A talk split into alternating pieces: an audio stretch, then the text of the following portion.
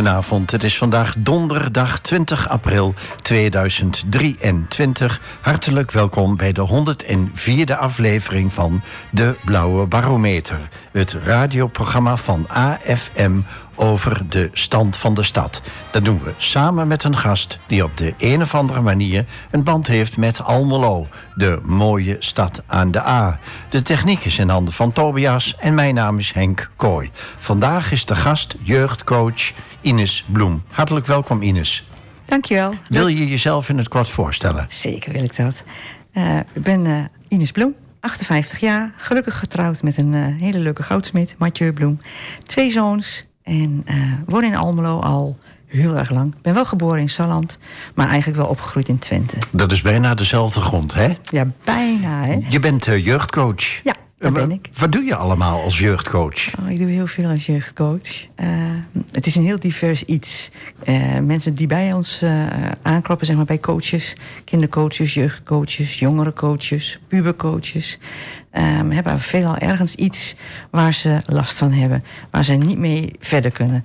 En daar kan ik proberen wat aan uh, te gaan doen. Ja. En dat kan zijn pesten, dat kan zijn een echtscheiding. Uh, dat kan zijn uh, iets wat op school niet lekker loopt, waar ze problemen mee hebben. Dat kan echt heel veel zijn. Hoe lang ben je al jeugdcoach? ondertussen ben ik bijna zes jaar jeugdcoach. Ja. En ik denk voor die tijd ook al wel een beetje. Als je rekent dat ik een zoon heb, of wij een zoon hebben, die autisme heeft, was ik daar ook al een beetje mee bezig. Onbewust, Onbewust ja. was de weg al geplaveid, om het zo maar eens te noemen. Ja, Hoe ben je jeugdcoach geworden? Ja, daar kun je opleidingen voor volgen. Er zijn heel veel verschillende voor. Ik heb er eentje gevolgd bij een dame in uh, Friesland, in Burgum, Thea Adema.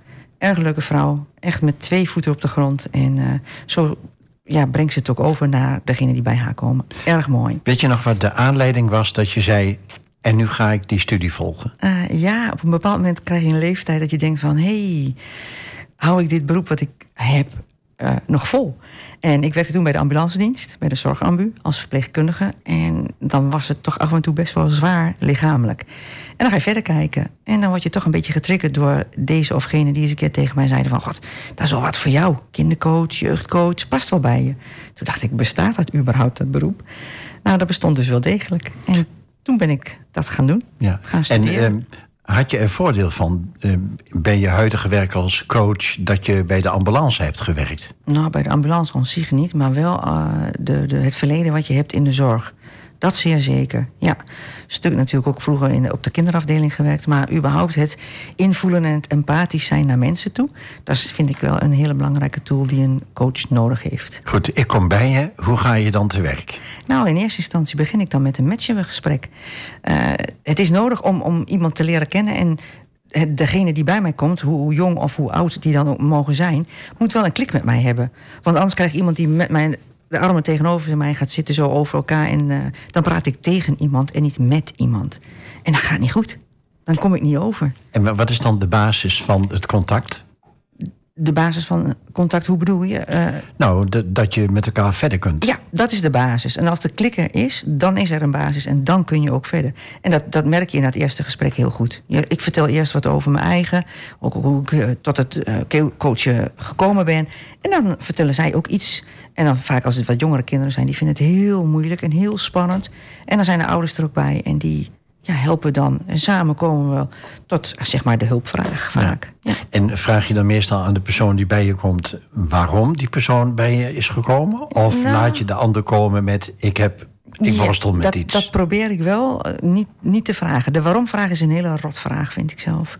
Want dan moet je altijd heel erg gaan graven. En dan krijg je ook heel vaak het gevoel dat je ergens schuldig aan bent. Of dat het probleem echt bij jou ligt. Terwijl dat heel vaak helemaal niet zo is. Ja, dus beter is te zeggen van wat is de aanleiding dat je hier komt? Ja, wat kom je bij mij doen? Ja. Nou, wat vertellen mensen dan al zo tegen je? Ja, wat vertellen ze? Zonder dat ik echt heel specifiek kan zijn. Uh, dingen als, uh, ik vind het heel moeilijk om uh, voor mezelf op te komen, bijvoorbeeld. Dat komt er dan uit. Of ik heb last van een scheiding van mijn ouders. Want dan staan ze er soms echt tussenin. Vader aan de ene kant, moeder aan de andere kant. En zij weten dan niet hoe ze moeten handelen. En dan hebben soms ouders even een beetje begeleiding nodig... om de boel weer op de rit te krijgen voor hun kinderen. Ik zeg altijd van, op dat moment besef even dat je vaak de kinderen hebt gekregen in liefde. En kijk ook naar kinderen in liefde. Ook al ga je als partners met de rug naar elkaar toe staan. Oké, dan is bekendgemaakt uh, wat de kwestie is, om het zo maar eens te noemen. En hoe gaat het dan verder? Dan gebruik ik van alles en nog wat om kinderen te laten uh, voelen en te laten inzien hoe uniek ze eigenlijk zelf zijn en hoeveel uh, gereedschap ze zelf in huis hebben vaak. Daar zijn ze vaak helemaal niet van bewust. En daarvoor heb je van allerlei spelletjes. Ik zeg altijd spelletjes, maar dat zijn het eigenlijk niet. Kaartenspellen. Uh, we gaan schatgraven bijvoorbeeld. Dan ga je op zoek naar kwaliteiten van kinderen. En ze zijn zich daar vaak helemaal niet van bewust... dat ze die kwaliteit eigenlijk bezitten. En door vragen daarover te stellen... van god, en hoe, los je dat dan op als je tegen zoiets aanloopt? Of als er staat van, uh, wat is boos zijn? Ja, is dat dan een goede eigenschap of niet? Nou, soms niet, maar soms ook best wel. Soms is het heel goed om even een keer boos te zijn, om duidelijk te maken dat je het ergens niet mee eens bent. Alleen de manier waarop, ja, dat, dat verschilt natuurlijk wel. Ik kan me voorstellen dat een jongere die bij je komt al een tijdje heeft geworsteld om op zoek te gaan naar hulp. Ja, vaak wel. Ja. Soms zijn ze ook heel snel en dat is eigenlijk heel prettig.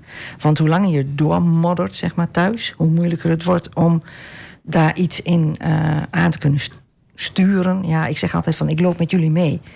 Ik, ik vertel niet wat ze moeten doen, want dat werkt namelijk niet. Nee. Ik ondersteun. Ja. En hoe hebben ze je gevonden? Meestal via Facebook of via, via horen van. Of zoeken op, uh, op uh, coach, jeugdcoach, kindercoach, Almelo. En dan kom je een heel eind. Ja, dat zijn toch de zegeningen van de moderne tijd. Ja. Dat je kunt zoeken ja. naar de juiste persoon of de juiste instantie. Ja, absoluut. Ja. Hoe lang duurt een contact meestal? Ik reken tussen de 50 en 60 minuten ongeveer. De tijd neem ik. En ik heb eigenlijk altijd een uitloop van een half uur, zeker tussen twee volg opeenvolgende uh, sessies. Omdat ik als ik uitloop ook een beetje de rust wil hebben voor mezelf. Om nog even weer bij mezelf te komen en dan weer fris in de volgende te kunnen gaan. En eh, kun je dat dan zien, zo'n eerste gesprek, als een intakegesprek? Ja, eerste, eerste gesprek is meestal wel al een stuk van een intake. Oké. Ja, ik vraag daarna altijd wel aan de ouders om, of eigenlijk al vaak daarvoor, van zet even wat op de mail, zodat ik een beetje een leidraad heb en ook een beetje weet wat er speelt. En dat ik niet over bijvoorbeeld pesten op school begin, terwijl het probleem heel wat anders is. Dat, dat heeft natuurlijk geen nut. Oké, het eerste gesprek is geweest en afgerond. Uh, hoe gaat het dan verder? Dan uh, is het afhankelijk van hoe oud het kind is en wat er speelt. Soms komen ook wel wat jongere kinderen uh, alleen. Vaak als er een rouwverwerking is, dan, dan is het soms heel prettig om alleen met het kind te werken. Maar er zijn ook heel veel sessies waar ouders bij zijn. En doen ze mee met het spelletje. En moeten ze bijvoorbeeld ook net doen uh, alsof ze een bange boef zijn die uh, over straat loopt. Ja, dat, dat, dat breekt ook bij kinderen. En dan zien ze ook wat hun ouders soms wel of niet kunnen of moeilijk vinden. En dat is soms heel erg mooi. Ja. En als een jongere van pak een beet 10, 11, 12 jaar bij jou komt, die kan dat helemaal autonoom doen. Ja zonder toestemming of nee. weten van? Nee, dat niet. Die is dan nog eigenlijk te jong. Um, kinderen zullen ook moeten betalen, want ik word niet vergoed door een zorgverzekeraar. Dus ze hebben sowieso hun ouders in eerste instantie nodig voor een deel uh, financiën om dat uh, te kunnen doen. Maar ook de toestemming van de ouders heb je nodig vanaf 16 jaar kunnen ze redelijk zelf beslissen. Maar tot die leeftijd is het echt nodig om wel toestemming van de ouders te hebben. Ja, je zei het een klein beetje tussen neus en lippen door. Uh, ze moeten het zelf betalen. Ja. Maar er zijn toch allerlei vergoedingen tegenwoordig? Ja, maar de vergoedingen worden vaak niet gevonden. Uh, soms kan het ook via een PGB. Maar coaches over het algemeen worden niet meer vergoed door geen enkele zorgverzekeraar. En is dat een soort uh, omissie in de wetgeving? Of is er ik iets vind, anders aan de hand? Ik vind het een groot gemis. En helemaal op het moment uh, nu de jeugdzorg zo vol zit... en zulke lange wachtlijsten heeft... denk ik dat echt heel veel coaches meer kunnen betekenen in dit traject. En is er dan een potje bij de gemeente Almelo om daarin te voorzien? Durf ik niet te zeggen. Weet ik niet. Nou, dan zou ik uh, contact opnemen met, uh, ja. met de wethouder die ja. hierover gaat... Ja. En, en, bekijken wat de mogelijkheden zijn op dat gebied. Ja, zou ik eens nog een keer kunnen doen. Ik heb het ooit in het verleden één keer gedaan... en toen ben ik eigenlijk ja, op een bepaald moment niet meer teruggebeld. En dan denk ik van ja, dan zullen ze toch het niet willen. Nee, maar goed, de gemeente Almelo is ook bezig met vroeg signalering. Dus het, het is alleen maar in hun voordeel uh, als dit werk goed wordt gedaan ja, en ik, vergoed wordt. Ja, denk ik echt. Ja. Goed. Um, hoe, hoe gaan de contacten dan verder? Um, gemiddeld is het zo dat een kind of een jongere dan één keer in de één twee weken in het begin. En daarna vaak met drie weken wel ertussen bij mij terugkomt. En dan gaan we kijken van, heb je een uh, experiment van mij opgekregen om te doen thuis? Probeer dat dan uit. En hoe gaat dat dan? Hoe ging het thuis? Is het gelukt? Is het niet gelukt? Wat kunnen we dan nog bijschaven? En uh, daarna is het soms wel eens een maand wat ertussen komt te zitten. En ik zeg altijd, meestal tussen de vijf à tien keer is het eigenlijk afge afgehandeld. Is het klaar? En soms nou, eigenlijk bijna altijd heb je wel een keer een terugval. Dat is ook iets waarvoor ik waarschuw in het begin. Als je begint met een coachingstraject, van kijk niet op na verloop van tijd, als het allemaal goed gaat, dat in één keer dan toch ergens iets is. Dat je denkt, oh, ik moet nog even een keer terug. Precies, het oude patroon is hardnekkig. Soms, soms wel, ja. ja. Je geeft ze voldoende tools mee. Ja. En uh, wat voor gereedschappen, om het in goed Nederlands te zeggen, zijn dat? Uh, kun je daar iets over vertellen? Nou, je leert ze uh, kijken op een bepaalde manier naar hunzelf. Waardoor ze opener in het leven komen te staan en ook meer gaan durven. Ik heb altijd zoiets als je heel verlegen bent, dan wordt het heel moeizaam om een stap te doen. Maar als je dan overtuigd raakt van je kwaliteit, dat je eigenlijk best wel een stap vooruit mag maken. En nee heb je en ja kan je krijgen. Klinkt zo makkelijk, maar soms heel moeilijk voor kinderen. Maar dat, dat trekt hun dan wel over de streep. En dan zeg ik van, probeer het eens uit. En kijk wat er gebeurt. Zelfs als in het diepe springen de eerste keer. Het moet soms gewoon gebeuren. Eén keer moet je in het diepe springen. Ja. Ik kan me voorstellen dat de ene kwestie wat ingewikkelder is dan de andere. Hoe los je dat op? Uh, daar heb je soms wat meer tijd voor nodig. En ook wat meer uh, terughoudendheid soms. Dat je niet direct op de voorgrond wilt treden... of dat direct tot op de bodem op dat probleem wil duiken.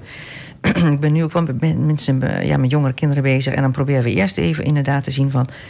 wat ben jij? Wie ben jij? En waar sta je voor? En dan op hun niveau, soms met jonge kinderen, soms met wat oudere kinderen. En dan pas ga je zeggen: hé, hey, maar dat kan je heel goed gebruiken daar en daarvoor. Want aan die vragen zijn ze misschien een hele tijd niet toegekomen. Nee, vaak niet. Ze zijn vaak helemaal niet van hun eigen kwaliteiten overtuigd. Wat is de, de belangrijkste eigenschappen waarover een, een jeugdcoach idealiter beschikt? Ik denk dat je sowieso heel empathisch moet zijn. En ook heel goed moet kunnen luisteren. Maar ook uh, kinderen moet kunnen lezen, een beetje aan de buitenkant. Dat je wel ziet op, aan hun gezicht of aan hun lichaamshouding wat er speelt. Er zijn ook oefeningen die we doen langs een uh, touw met waar, waar een 0 tot 10 op staat. Om te overtuigen raken van hoeveel stappen moet ik nog maken voordat ik mijn doel bereikt heb. Maar er zijn ook oefeningen waar je een touw om iemand heen legt om hun eigen uh, ruimte aan te geven. En dan zie je ze soms ook uh, kleiner worden. En dan doe je wat oefeningen en dan trigger je ze een paar keer. En dan zie je ze eigenlijk groter worden en die ruimte heel goed beschermen. En dat is heel mooi om te zien. Ja. Is er nog ruimte voor een terugkommoment na verloop van tijd? Altijd, ja. Geen probleem. En wat neem je dan waar? Of wat vertellen de kinderen jou? Nou, vaak is het dan iets kleins. En dan denk ik van, ah, weet je nog, toen en toen, dat en dat. Oh ja. Nou, en verder kletsen we dan vaak heel gezellig eventjes. En meestal is dat voldoende. Het is nou. vaak niet met een heel groot probleem dat ze weer terugkomen hoor. Nou, je hebt het allemaal eh, keurig neergezet. Na de vier gebruikelijke stellingen vraag ik je met wie je zoal contact hebt als, uh, als jeugdcoach.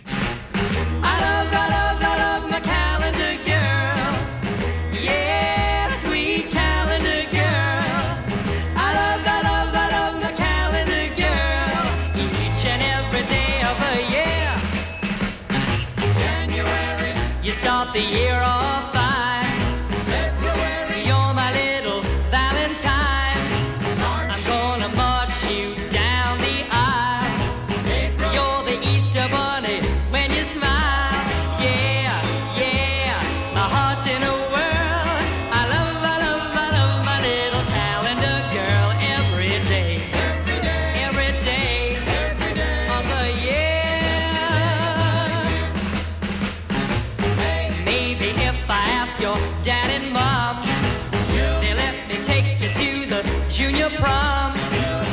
Like a firecracker, I'm a glow. When you're on the beach, you steal the show. Yeah,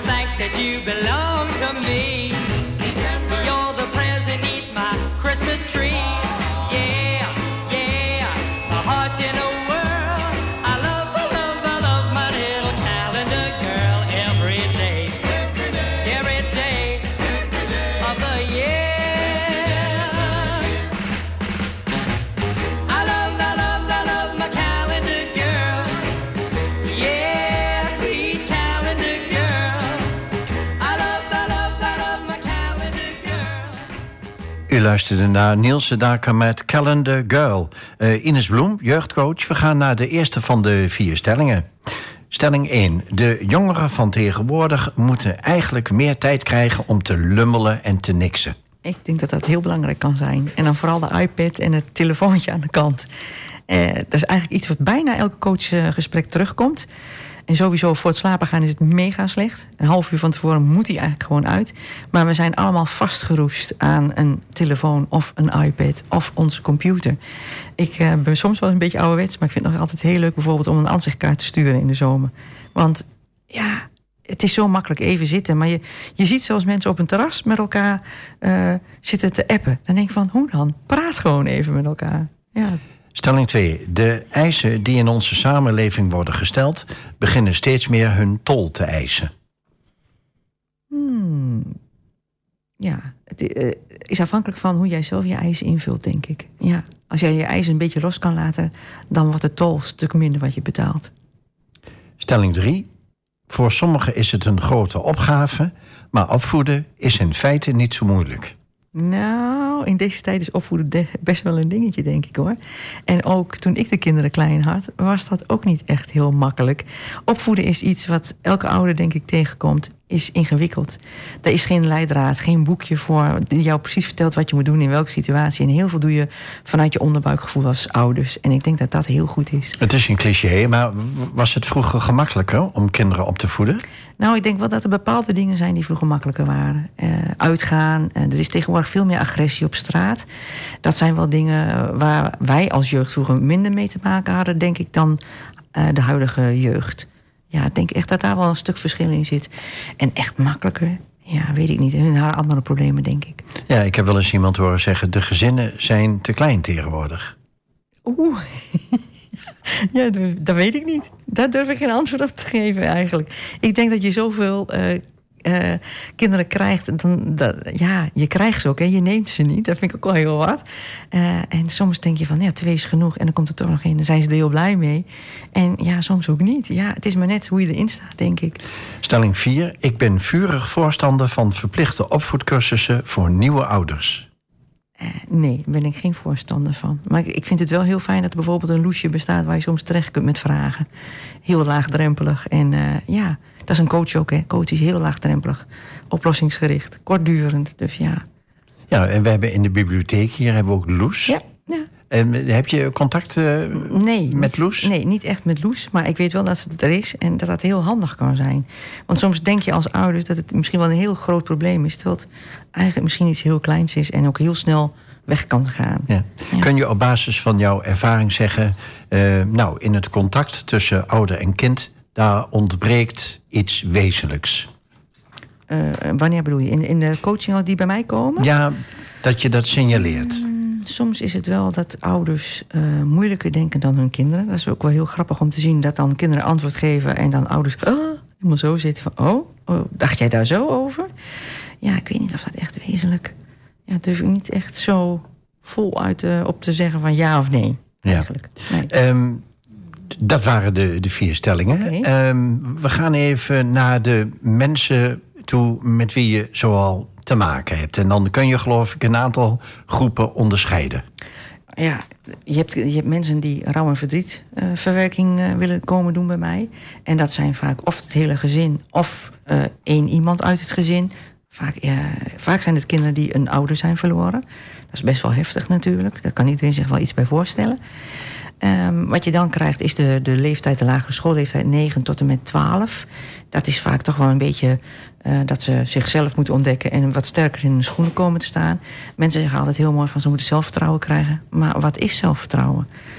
Ja, hoe krijg je dat? Dat is best wel een heel abstract begrip, zelfvertrouwen. En je moet gewoon iets durven doen.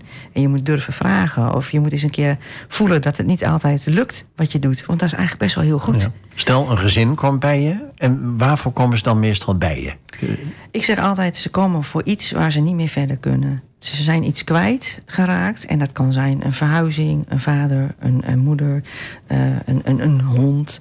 Uh, maar het, het, uh, vertrouwen in zichzelf, wat ze kwijt zijn geraakt. de weg die ze verder willen, weten ze even niet meer hoe ze dat moeten doen. En dan denk ik van ja, ik ben er wel voor jullie om te helpen om door te kunnen gaan. Oké, wat, wat voor gereedschap reik je hun het liefste aan? Het meeste spiegel ik eigenlijk met hun. Ehm, daar gebruik ik soms ook de hond voor. Dat is heel erg leuk om die erbij te gebruiken. Het is ook heel ontwapenend, die twee kleintjes bij mij. Want het zijn geen grote honden. Het grappige was wel toen ik de cursus ging doen, eh, de opleiding daarvoor, dat ze allemaal een grote Labrador of een Retriever bij zich hadden. En toen was ik aan de beurt om voor te stellen wie ik was en welke hond ik thuis was. En toen begon iedereen ook heel hard te lachen. En het mooiste van alles was aan het eind, dat we de praktijkdagen hadden, dat dan inderdaad de eh, broer van iemand, die was dan zogenaamd eh, iemand die met een probleem kwam. En die kwam later bij mij en zei: oh, Wat geweldig dat je een Chihuahua zoiets leren kan. Dat had ik niet gedacht. En als individuele jongeren bij je komen, waar gaat het dan meestal om? Dat zijn vaak wel de wat oudere pubers. En dan is het ook vaak toch wel een stukje waar ze. Uh, staan. Pubers zijn heel erg bezig met hun eigen identiteit. Van wie ben ik? Waar hoor ik bij? Ik ga bij dingen horen waar ze thuis helemaal niet leuk vinden. Maar dat ga ik toch uitproberen. En dat leg ik ook altijd aan ouders uit. Je hebt een vierkant en dat is jullie veilige gezin. En pubers gaan daar, ik weet niet hoe vaak, buiten. Want ze weten gewoon dat ze terug kunnen komen in dat vertrouwde nest. Dat warme nest wat als het goed is, is voor de kinderen. En dan kunnen pubers ook die zijstapjes maken. En die hebben ze ook nodig om te ontdekken wie ze zijn. Kun je nou ook mede op basis van je eigen ervaringen zeggen dat, uh, dat jongeren tegenwoordig minder mogen experimenteren? Nee, nee, dat denk ik niet. Nou, ze mogen wel minder experimenteren met gekke middelen, zeg maar, die er tegenwoordig te koop zijn. En dat snap ik eigenlijk ook wel heel goed. Dat is ook allemaal wel een beetje beangstigend, terwijl de meeste jongeren sorry, die het uh, uitproberen of willen uitproberen, het vaak ook wel één of twee keer houden en dan ook wel genezen zijn. Dus de angst om uh, bijvoorbeeld een keer een jointje te roken van ouders is vaak niet eens zozeer gegrond. Meestal weet de puber wel wat goed en wat fout is. Ja. Ja. Komt het ook wel eens voor dat iemand van een jaar of twintig bij je komt? Ja, ik heb toevallig nu iemand zelfs van boven de twintig. Ja. Soms zijn problemen al uh, in de vroegere jeugd ontstaan en lopen ze pas later, als ze wat ouder zijn, vast. En dan merk je dus ook dat je daarin heel goed kan ondersteunen. Ja, tegenwoordig heb ik daar uh, een stress- en burn-out uh, specialisatie ook voor gevolgd. Zodat je ook wat makkelijker de groep jongvolwassenen nu kan begeleiden. Door corona is daar best wel wat geraakt bij die jongeren. En is er heel veel stress toch wel in hun leven gekomen van hoe moet ik dat doen? Komt het wel eens voor dat je, dat je niet iets meer kunt uh, ja. betekenen voor mensen die ja. bij je zijn geweest? Ja, dat heb ik ook wel eens gehad. Ja hoor, dat gebeurt echt wel. Als de jeugd niet meer mee wil werken en met die armen over elkaar tegenover mij gaat zitten na de derde keer en zegt van ja, het zal wel, uh, kan je wel vertellen, maar daar ga ik niks mee doen dan geef ik ze met alle liefde terug naar de ouders. Want dan houdt het voor mij op. En geef je ze dan nog een bepaald advies? Of wijs je ze een bepaalde richting? Ja. Ja, dat gebeurt wel. En dan is het wel soms van, ik denk daaraan of ik denk daaraan. Laat het misschien eens onderzoeken, want soms is er nog helemaal niks onderzocht. En dan kan het duidelijk worden dat het ofwel echt puberteit bijvoorbeeld is...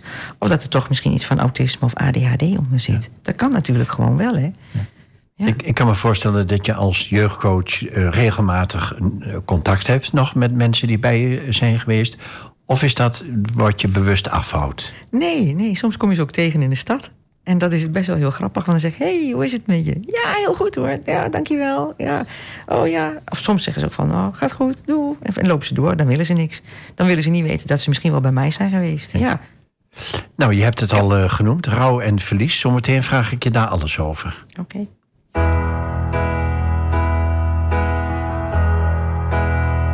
I sit and wait.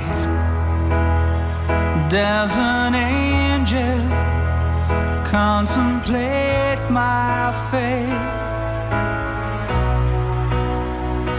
And do they know the places where we go when we're gray and old?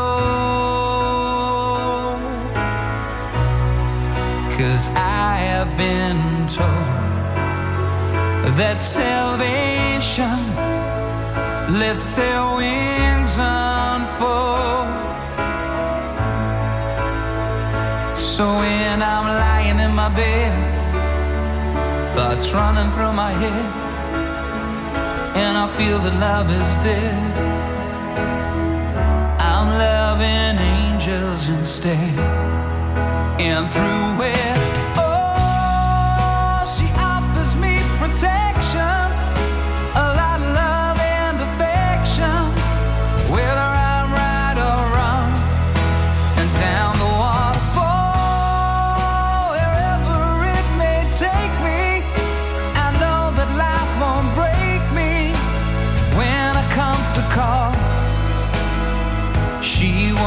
Forsake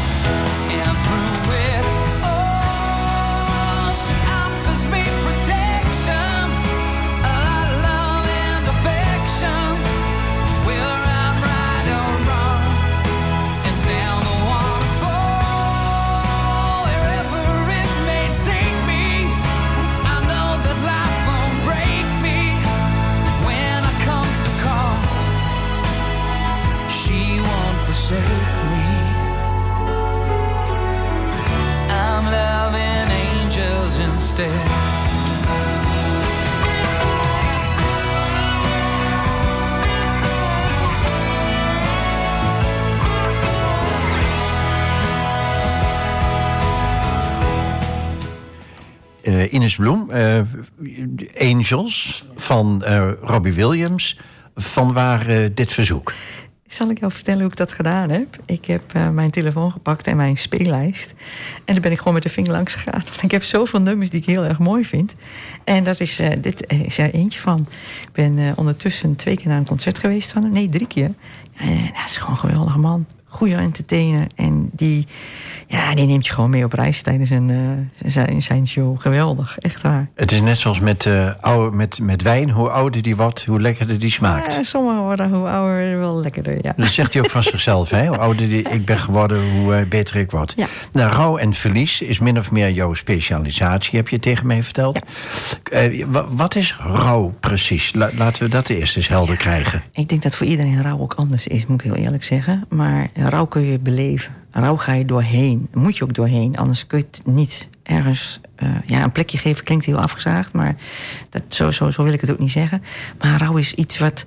Je laat ergens iets achter, je verliest iets. En dat kan heel heftig zijn en het kan ook iets heel kleins zijn. Maar daarna wil je wel weer verder met je leven. En dat stuk rouw heeft bepaalde... Ja, je hebt bepaalde rouwtaken in je leven... die je eh, bij een rouwproces die je door moet lopen. Dus, dus als ik het goed begrijp, is rouw een soort emotie die je overspoelt naar aanleiding van een bepaalde gebeurtenis. Ja, rouw en verdriet is wel inderdaad naar aanleiding van een gebeurtenis. En dat kan ook gewoon een film zijn dat je in één keer ergens op gewezen wordt en denkt: oh, nou. En dan komt er iets. En het is iets heel moois, vind ik. Want Ja. het brengt je wel heel dicht bij jezelf. Waarover kunnen mensen allemaal rouwen? Althans, wat vertellen ze tegen jou? Is heel divers. Het is echt inderdaad vaak een overlijden van iemand. Dat is natuurlijk het, het meeste voorkomende waardoor je rouw krijgt. En dat is ook een heel normaal proces dat je, waar, je doorheen moet lopen. Maar je kan ook een rouw of verdriet hebben omdat je verhuist naar een andere stad en je vriendjes kwijtraakt. En dat kan heel heftig zijn. Want dan in één keer is jouw vertrouwde school weg en jouw vertrouwde vriendjes waarmee je altijd speelde en je voetbalvereniging. Alles is in één keer weg en dan moet je allemaal opnieuw gaan opbouwen. En ben jij drie of vier, is dat vaak nog niet zo heel moeilijk. Maar ben je wat ouder en heb je echt al een tijd een vast vriendje of vriendinnetje, die moet je dan wel achterlaten. Wat kun je bieden aan mensen die met, eh, nou, die met rouw te maken hebben? Nou ja, ik heb daar eh, een eh, training ooit ook eens voor gevolgd. En daarmee werk ik met een landkaart. En die landkaart is echt een heel mooi iets. Daar staat van alles en nog wat op aan, aan mistig gebied... of eh, het angsthol, of de heimweeweg... of eh, insluiten, buitensluiten. Maar het is een landkaart die kinderen als plaatjes zien... en de wat oudere kinderen en volwassenen kunnen daar echt de tekst op lezen. En dan werk je met poppetjes. Of je laat ze er echt op staan. Ik heb ook een hele, dezelfde kaart als vloerkaart. En dan kan je echt bovenop gaan staan. En dan doorleef je ook op dat moment je gevoel weer. En dan kan je ook vooruit gaan kijken... en een stap vooruit maken naar een punt waar je graag naartoe wil. Dus daarmee maak je het niet alleen inzichtelijk, Maar je laat ook emoties Ja. de vrije loop. Ja, zeker. Ja, dat moet ook. En er wordt ook gehuild en gelachen. En hoe, hoe ervaren de, de, de, nou, de jongeren of de Die kinderen die bij je komen? Ja, die vinden dat heel erg mooi om te zien. Ik geef ze ook altijd dan daarna, als ze alleen zijn geweest, maken we foto's met of hun telefoon of met mijn telefoon. Die stuur ik ook door. Hoe het eindresultaat ook was. Van wat ligt daar dan? Soms ligt er een hele berg tranen. Van die blauwe glaskralen. Ligt er een berg tranen onder een zakdoekje. Want dat mocht niet gezien worden. En aan het eind van de sessie, of na de tweede sessie, ligt dat open en bloot. Maar weet je ook welke hulplijnen je hebt om naartoe te gaan. En dat is echt niet alleen maar een vader of een moeder die over is gebleven. Of misschien zijn beide ouders er nog wel in een scheiding. Maar je hebt ook ooms, tantes, buurvrouw, juffrouw op school. Ja, er zijn zoveel hulplijnen die je gebruiken Ja. kan. Even economisch bekeken, hoe, hoe vaak eh, komen ze bij je? Ja, meestal is het tussen de vijf en de tien keer. En met rouw, ja, ik denk eigenlijk wel bijna hetzelfde. Ja, vijf, zes keer toch wel. Wat krijg je van ze terug? dat ze blij zijn dat ze bij me zijn geweest. En dat is heel erg fijn om te horen. En ik krijg heel veel energie als ik zie dat mensen weer vooruit kunnen. En of het nou een kind is of een wat oudere, dat maakt helemaal niet uit. En komen ook via hen andere eh, jongeren bij jou? Ja, ja, ja, mensen geven wel door van, ah, ik ben daar geweest. Probeer dat eens. Kijk daar eens om. Ga eens een keer op gesprek. Ja. We gaan even terug naar de uitzending van vorige week. Want toen was Nienke Veurink gemeenteraadslid voor Last te gast. Oké. En zij stelde jou de volgende vraag. Wat vindt u van de komende evenementen in Twente en Almelo? Ja, ik ben heel trots op Almelo eigenlijk. Want eh, Herman Vinkers eh, zegt altijd van... eh stoplicht springt op rood en het springt op groen. En er is altijd wat te doen. Ja, ik vind het geweldig dat in Almelo eigenlijk vanaf ja, april, mei tot en met september... eigenlijk elk weekend is er wel wat. En dan kan ik een heleboel gaan opnoemen. Maar ik zou bijna zeggen, kijk eens even op zo'n kabelkrant bij de A-visie... eh, hoe, hoeveel er hier wel niet te doen is. En het is niet alleen maar cultureel, maar het is... Ja, we- morgen begint dat eh, historisch festival. Geweldig vind ik dat. Wat vind je daar zo geweldig aan? De- het overdonderende geluid als die kanonnen gaan, vind ik al heel erg mooi. Maar ook het kampement, als je daar doorheen loopt en kijkt hoe mensen echt zelf teruggaan in de tijd hoe het toen was. Ja, dat is zo bijzonder om te zien. Vind ik echt heel mooi. En er zit ook een heel educatief programma eh, voor de scholen aan Ja, ze gaan eh, inderdaad naar scholen toe en eh, vertellen over hoe en wat. En ja, het, het, het is gewoon een heel compleet iets. Ja, ik vind het wel een heel mooi evenement wat Almelo heel mooi op de kaart zet. Mooi. Eh, nou, in verband met de tijd moeten we verder. Volgende week is de gast Gerard Honderbrink. Mhm. Groot liefhebber en kenner van vinyl. En je mag hem nu eh, een vraag stellen. Ja, ik ben eigenlijk benieuwd. eh, ik ken Gerard al een beetje, dus ik ga niet wat over muziek vragen. Maar ik wil graag weten wat er op zijn nachtkastje ligt. Is dat Nou. een mooi boek? Of ja. Dat is een mooie vraag. En daar horen we dan volgende week wel over. Tobias slaat het fragment eventjes op. Zometeen vraag ik je alles over stress en burn-out. Want daar ben je ook goed in.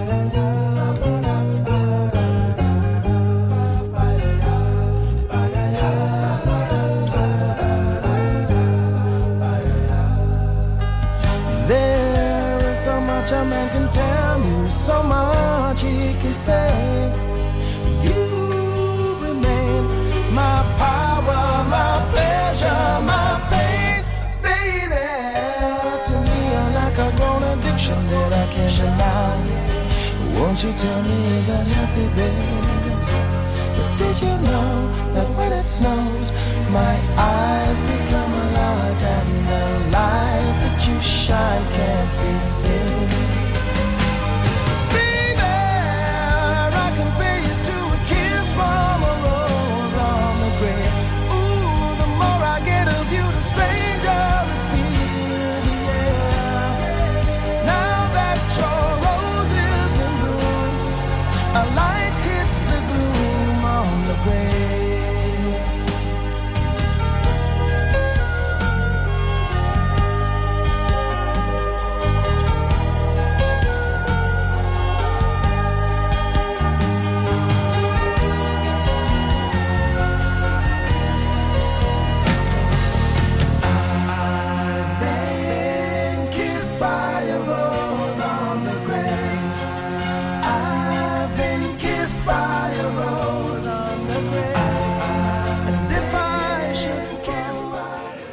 U luisterde naar Seal met A Kiss from a Rose. Ines Bloem, jeugdcoach. Van waar dit tweede verzo- verzoeknummer? Ja, eigenlijk precies dezelfde. Hè. Ik heb echt langs mijn lijstje gegaan, want er zijn zoveel artiesten die ik geweldig vind.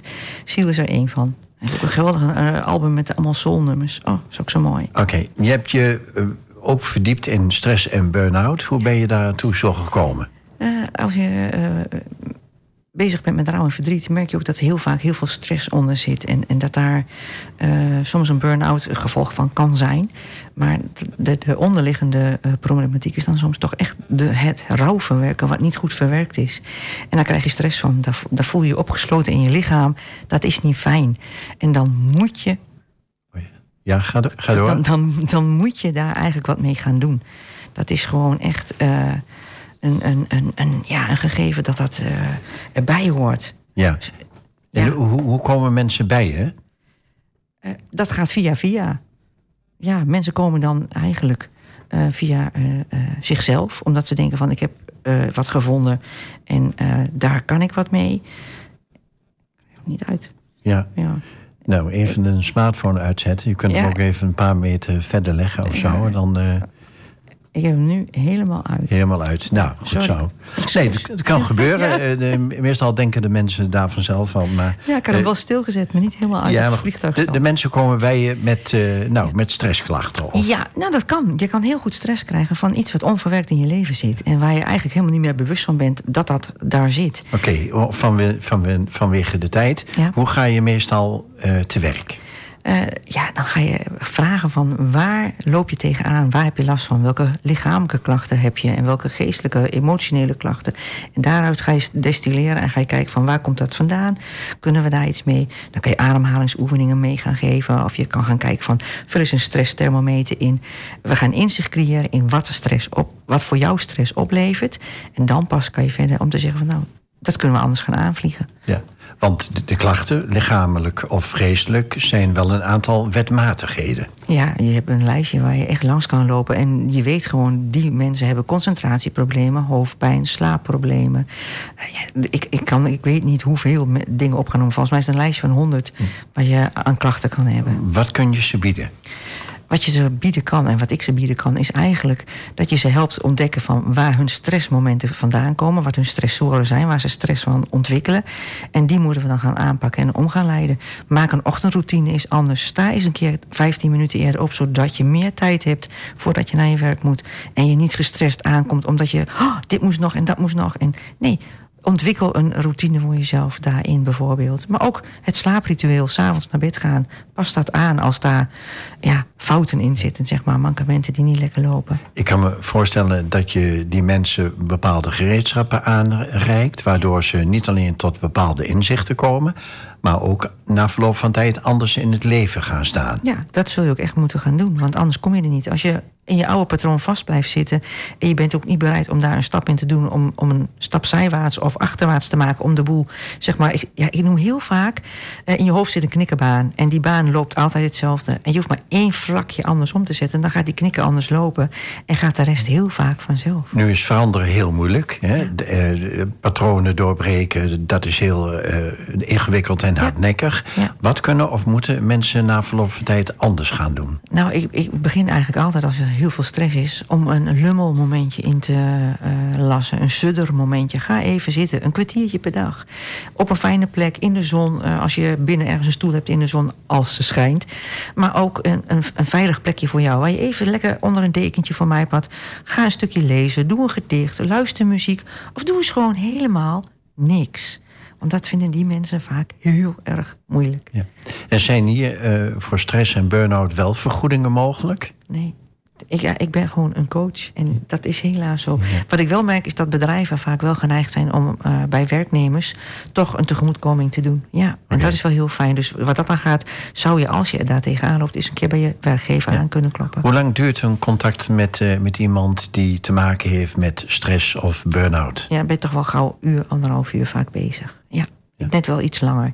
En kinderen merk je ook vaak van, oh, ze gaan gapen, dan houdt het op. En volwassenen kunnen vaak wel iets meer aan. Ja. En komt het wel vaker voor dat. eh, nou, ik bedoel, komen ze nog bij je terug na, na één keer? Nou, na één keer wel. Ja, als jij bedoelt met één keer een heel traject, dan, dan voorlopig heb ik nog niet echt eh, daar ervaring mee. Als mensen dan daarna terugkomen. Ja. Nee, Wat krijg je van mensen terug die bij jou zijn geweest voor deze klachten? ze vinden het prettig. En, en de rust die er dan is en de rust die ze dan ook in hunzelf terug kunnen gaan vinden. Dat is heel erg belangrijk. Het, het standaard advies is ook altijd van de huisarts van de POA: ga een kwartiertje wandelen. En dat is echt heel goed. Ik kan me voorstellen dat je ook iets van hen leert. Eigenlijk krijg je altijd wel iets terug waar je zelf ook weer wat mee verder kan doen. Oké. ja. Nou, zometeen vraag ik je over de studie die je onlangs hebt afgerond.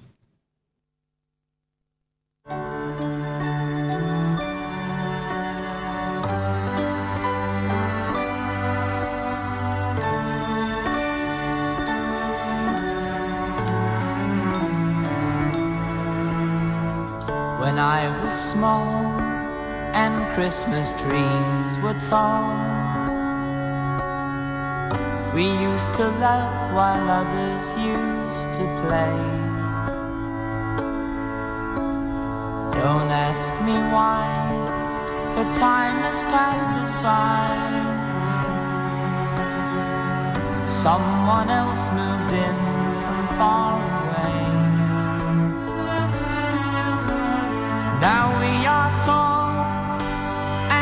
Christmas trees are small, and you don't ask the time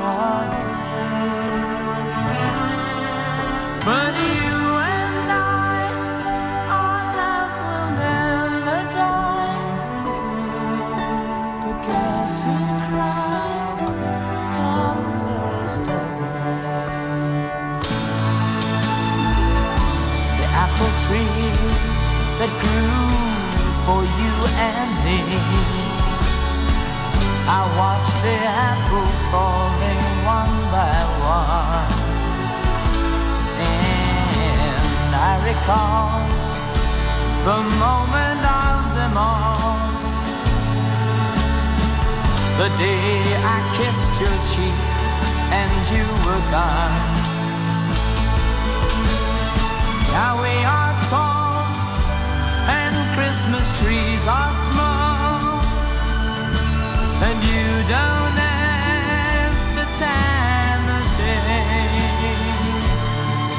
But you and I, our love will never die.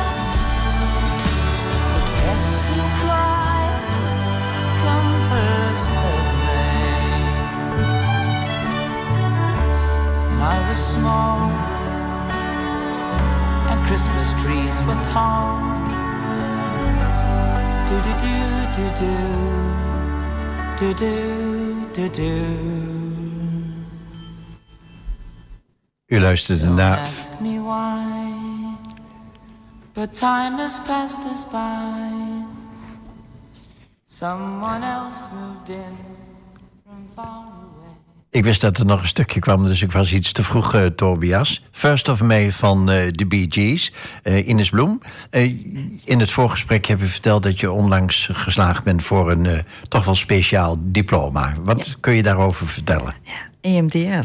En vorig jaar heb ik het eh, gedaan voor volwassenen. En afgelopen zaterdag heb ik het inderdaad leren toepassen op eh, kinderen en eh, jongeren. En het is echt een geweldig tool. En wat houdt het precies in, dat E EMDR? Ja, EMDR staat voor Eye Movement Desensitization. Een moeilijk woord altijd, reprocessing. En dat betekent eigenlijk zoiets als eh, eh, eh, geheugen, eh, gebeurtenissen waar een lading op zit, een emotionele lading.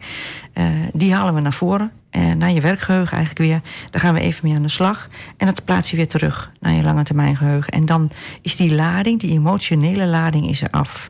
En dat ja, maakt dat mensen weer heel makkelijk vooruit kunnen. Want sommige gebeurtenissen hebben gewoon heel veel impact op mensen. Dus het klinkt een beetje klinisch. Je haalt het naar voren Ja. eh, van het ene gedeelte Ja, naar het andere. Maar hoe doe je dat precies? Eh, je, krijgt iemand die dan bijvoorbeeld een auto-ongeval gehad heeft. En dan is één moment in, in die hele film van, van, van het ongeval wat, wat, wat gebeurd is, is één moment wat, wat echt een trigger is. En dat wordt dan het targetbeeld, zoals ze dat zo heel mooi noemen. En daarmee ga je aan het werk. Dus je zet als het ware één beeld stil. Eén beeld, ja, dat zet je echt stil en daarmee ga je kijken. En dan ga je met je vingers heen en weer of met een lamp heen en weer, moet je met je ogen gaan volgen. En dan, ja, die lading komt dan lager te liggen. Want En- het is de bedoeling dat de ogen bewegingen Ja, van ja, links naar rechts ja, maken je- en weer terug. Ja, je hebt je remslaap. Daarin, als baby kun je dat zelfs zien. Hè, als je dan eens bij de wieg staat, hoe ze dan bezig zijn en bewegen. Dat heb je als volwassene natuurlijk ook. In de rem verwerken wij onze eh, gebeurtenissen de hele dag door. Of het nee, gedurende de dag van de hele dag, zo moet ik het zeggen. En eh, dat, dat doe je eigenlijk met, met, met EMDR ook een beetje. Ja. Ja. En eh, ehm, waarom ben je deze studie gaan volgen? Dat is dan de volgende vraag. Ja, nou, ik vond eigenlijk wel dat ik eh, het hele verhaal samen, als je rouw en verdriet hebt, en dat kan door allerlei oorzaken zijn, dat zowel de stress en burn-out en de EMDR daar twee tools bij zijn die heel mooi samenvoegen. En nu kan je eigenlijk, ja, het trauma klinkt zo zwaar, want het is echt niet dat ik echt mensen met PTSS ga behandelen, want dat is veel, veel complexer. Maar kleine dingen, fobie voor spinnen zou bijvoorbeeld ook kunnen. Daar kan je ook EMDR op toepassen. Ja. Dus ja, en dat vond ik wel heel mooi om het compleet te maken. Ja. Ja. En de verbeteringen zijn eh, definitief en blijvend. ja, normaal gesproken wel. Dus je bent bezig iets te herprogrammeren, als ik het goed begrijp. Ja, bijna zou je het zo kunnen zeggen. Ja. Ja. En eh, wat krijg je terug van mensen die... eh, nou, je bent onlangs geslaagd, maar je hebt het natuurlijk een tijdje al toegepast. Ja, nog niet echt bij kinderen. Dat vind ik nog wel een beetje jammer. Maar wat je merkt is dat er heel veel opluchting is. Want eh, op dat moment kun je bijvoorbeeld met, na een auto-ongeval, een aanrijding...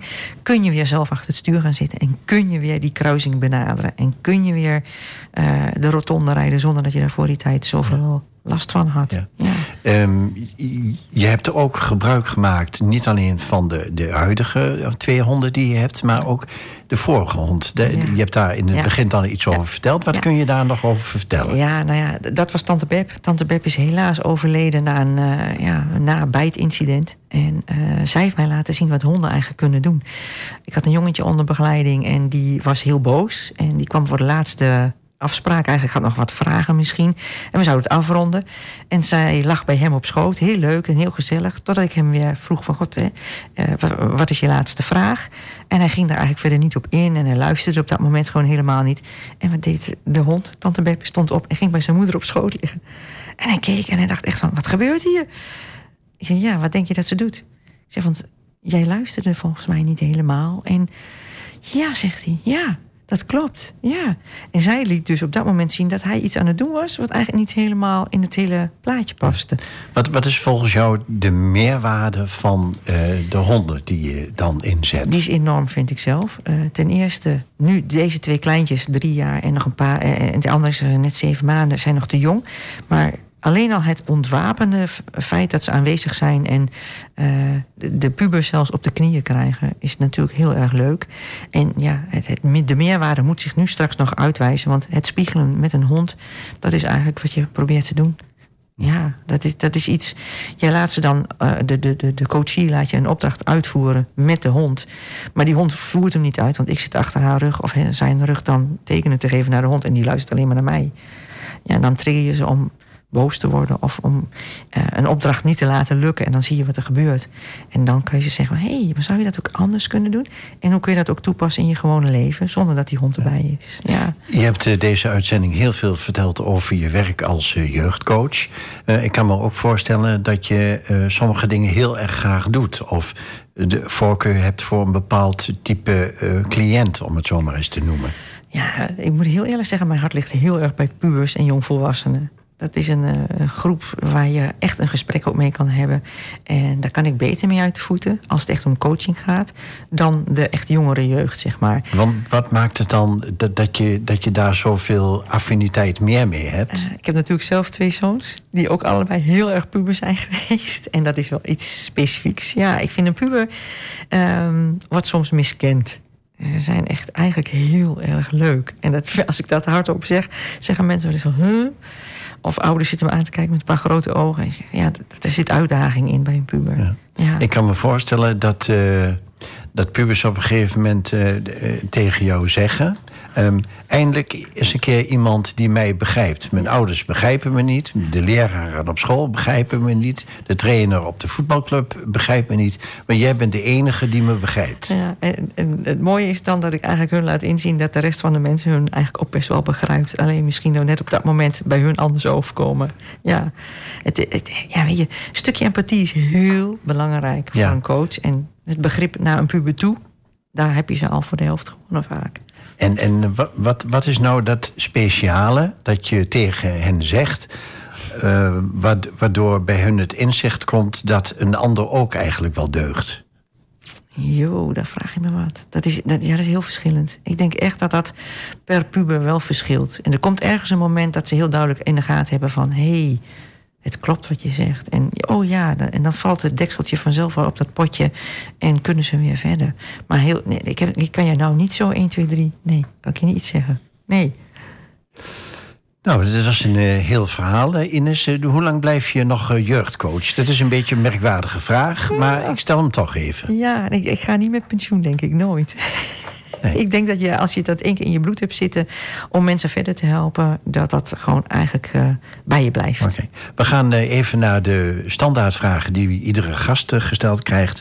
En daarvan is de eerste: eh, wat kun je je nog herinneren waar je als eh, 16-jarige van droomde? Of wat sluimerende idealen waren, om het zo maar eens te noemen. Ja, idealen. Eh, Ik weet nog wel dat ik heel graag longfunctielaborante wou worden. En dat is niet gelukt. Ik ben verpleegkundige geworden. Want er waren maar een paar plekken per jaar te vergeven. En verder, ja, de standaarddromen. Trouwen, kinderen krijgen, dat soort dingen. Nou ja, de longen is toch een van de vitale functies van, eh, van het menselijk lichaam, ja, hè? Ja, ja, ja. Ja. Verpleegkunde is wel echt iets anders dan een longfunctielaborante. Maar ja, nee, er was geen plek. Welke mensen zijn tot nu toe belangrijk voor je geweest?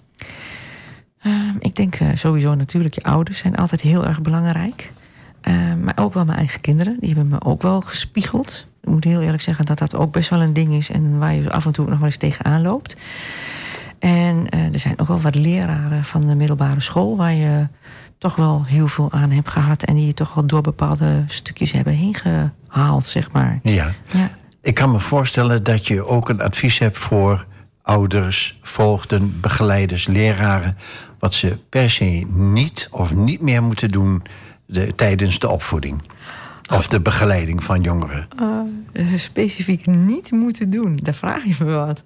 Eh, ik denk vooral niet eh, er tegen ingaan. Probeer eerst eens een stukje mee te gaan en dan eh, duidelijk te maken waarom je misschien ergens tegenin zou willen gaan. Ja, Want dan erken je de persoon Ja. en wie die is. ja dat denk ik wel, ja. Met wie zou je ooit nog eens op de foto willen staan? Nou, George Clooney bijvoorbeeld. Aha, vertel. Ja, vind ik gewoon een geweldige man, een geweldige acteur. Ja, dan zeg ik altijd van, met, eh, met wie zou je wel een beschuitje willen eten? Nou, met George Clooney. Maar wat heeft George Clooney wat wij niet hebben? Ah, hij is gewoon een heel charmante man en eh, heerlijke ogen. Ja. Ja. ja. Ehm, met wie zou je nog eens een keer een club of een vereniging willen oprichten? Jee, daar vraag je me wat. Ehm, heb ik niet direct een pasklaar antwoord op, moet ik heel eerlijk zeggen. Ik ben niet zo van de clubjes en de verenigingen. Ik heb liever gewoon gezelligheid. eh, en natuurlijk zijn er clubjes en verenigingen nodig, maar ik heb niet specifiek nu iets. Nee. Eh, ik kom je nog wel eens tegen, wandelend in de Graven Allee. En ik kan me voorstellen dat wandelen een favoriete manier is om je dag door te brengen. Nou, in elk geval eh, met de honden even naar buiten is altijd heel fijn. En je kan heel makkelijk je hoofd leegmaken als je 10, 15 minuten buiten bent. Ik moet heel eerlijk zeggen dat ik ook wel eens op zondag denk... wat doen al die mensen in mijn achtertuin? Want wij wonen eigenlijk altijd al heel lang om het grafelijk gebied heen. En dan is het dus soms heel erg druk. Ja. Ja. In, in welk land zou je nog eens een keer een wandelvakantie willen houden? Oeh, ja, dan denk ik wel dat ik zou zeggen eh, Nepal of zo. Dat lijkt me wel heel mooi. Ja. Wat mag er op jouw bureau beslist niet ontbreken? Eh, mijn lekkere olietjes, die ik ook wel eens gebruik in de coaching. Ja. Waar heb je ongelooflijk veel spijt van? Oh, waar ik ongelooflijk veel spijt van heb. Eigenlijk nergens van. Nee, nee. Je kan alleen maar spijt achteraf hebben van dingen die je niet gedaan hebt, denk ik. Dus ja. Wat zou je met 1 miljoen euro doen? Even pas op de plaats maken. En ik denk een wereldreis maken nu. Ja. Als je een toverstokje had, wat zou je dan in of aan de wereld willen veranderen? Ik zou iets meer liefde in de wereld willen brengen. Iets meer aandacht voor je medemens. En tot slot, jouw woord voor de wereld. Wat wil je sowieso kwijt, omdat je er vol van bent... of omdat je gewoon vindt dat iedereen dat moet weten? Ik zou zeggen, eh, voel eens wat vaker bij jezelf. Voel eens van binnen hoe het is. En doe eens wat meer op je intuïtie. Want, Die laat je eigenlijk nooit in de steek. Je intuïtie klopt er eigenlijk 9 van de 10 keer altijd. en dat is een gebied waar mensen niet zo gemakkelijk bij of willen komen... Ja, dat denk ik wel. Voel meer. Laat het verstand maar eens een keer op nachtkastje soms. Oké. Nou, voel meer, die houden we erin. Dankjewel Ines Bloem voor je komst en je bijdrage. Heel graag gedaan. Ik vond het erg leuk om hier te zijn. Goed, wederzijds. Ehm, hartelijk bedankt dat je te gast wilde zijn in de 104e aflevering van de Blauwe Barometer. Aankomende zondag om 12 uur wordt dit programma herhaald. Op afm.nl vind je onder programma's alle info. Ik bedank Tobias voor de techniek. Meteen hierna om 9 uur komt het eh, programma Soultime. En om 10 uur de draaideur met non-stop muziek. Tot donderdag 27 april. Dan is de gast Gerard Honderbrink, groot liefhebber en kenner van vinyl. Ehm, in de 105e aflevering van dit informatieve programma op AFM over de stand van de stad. Tot volgende week.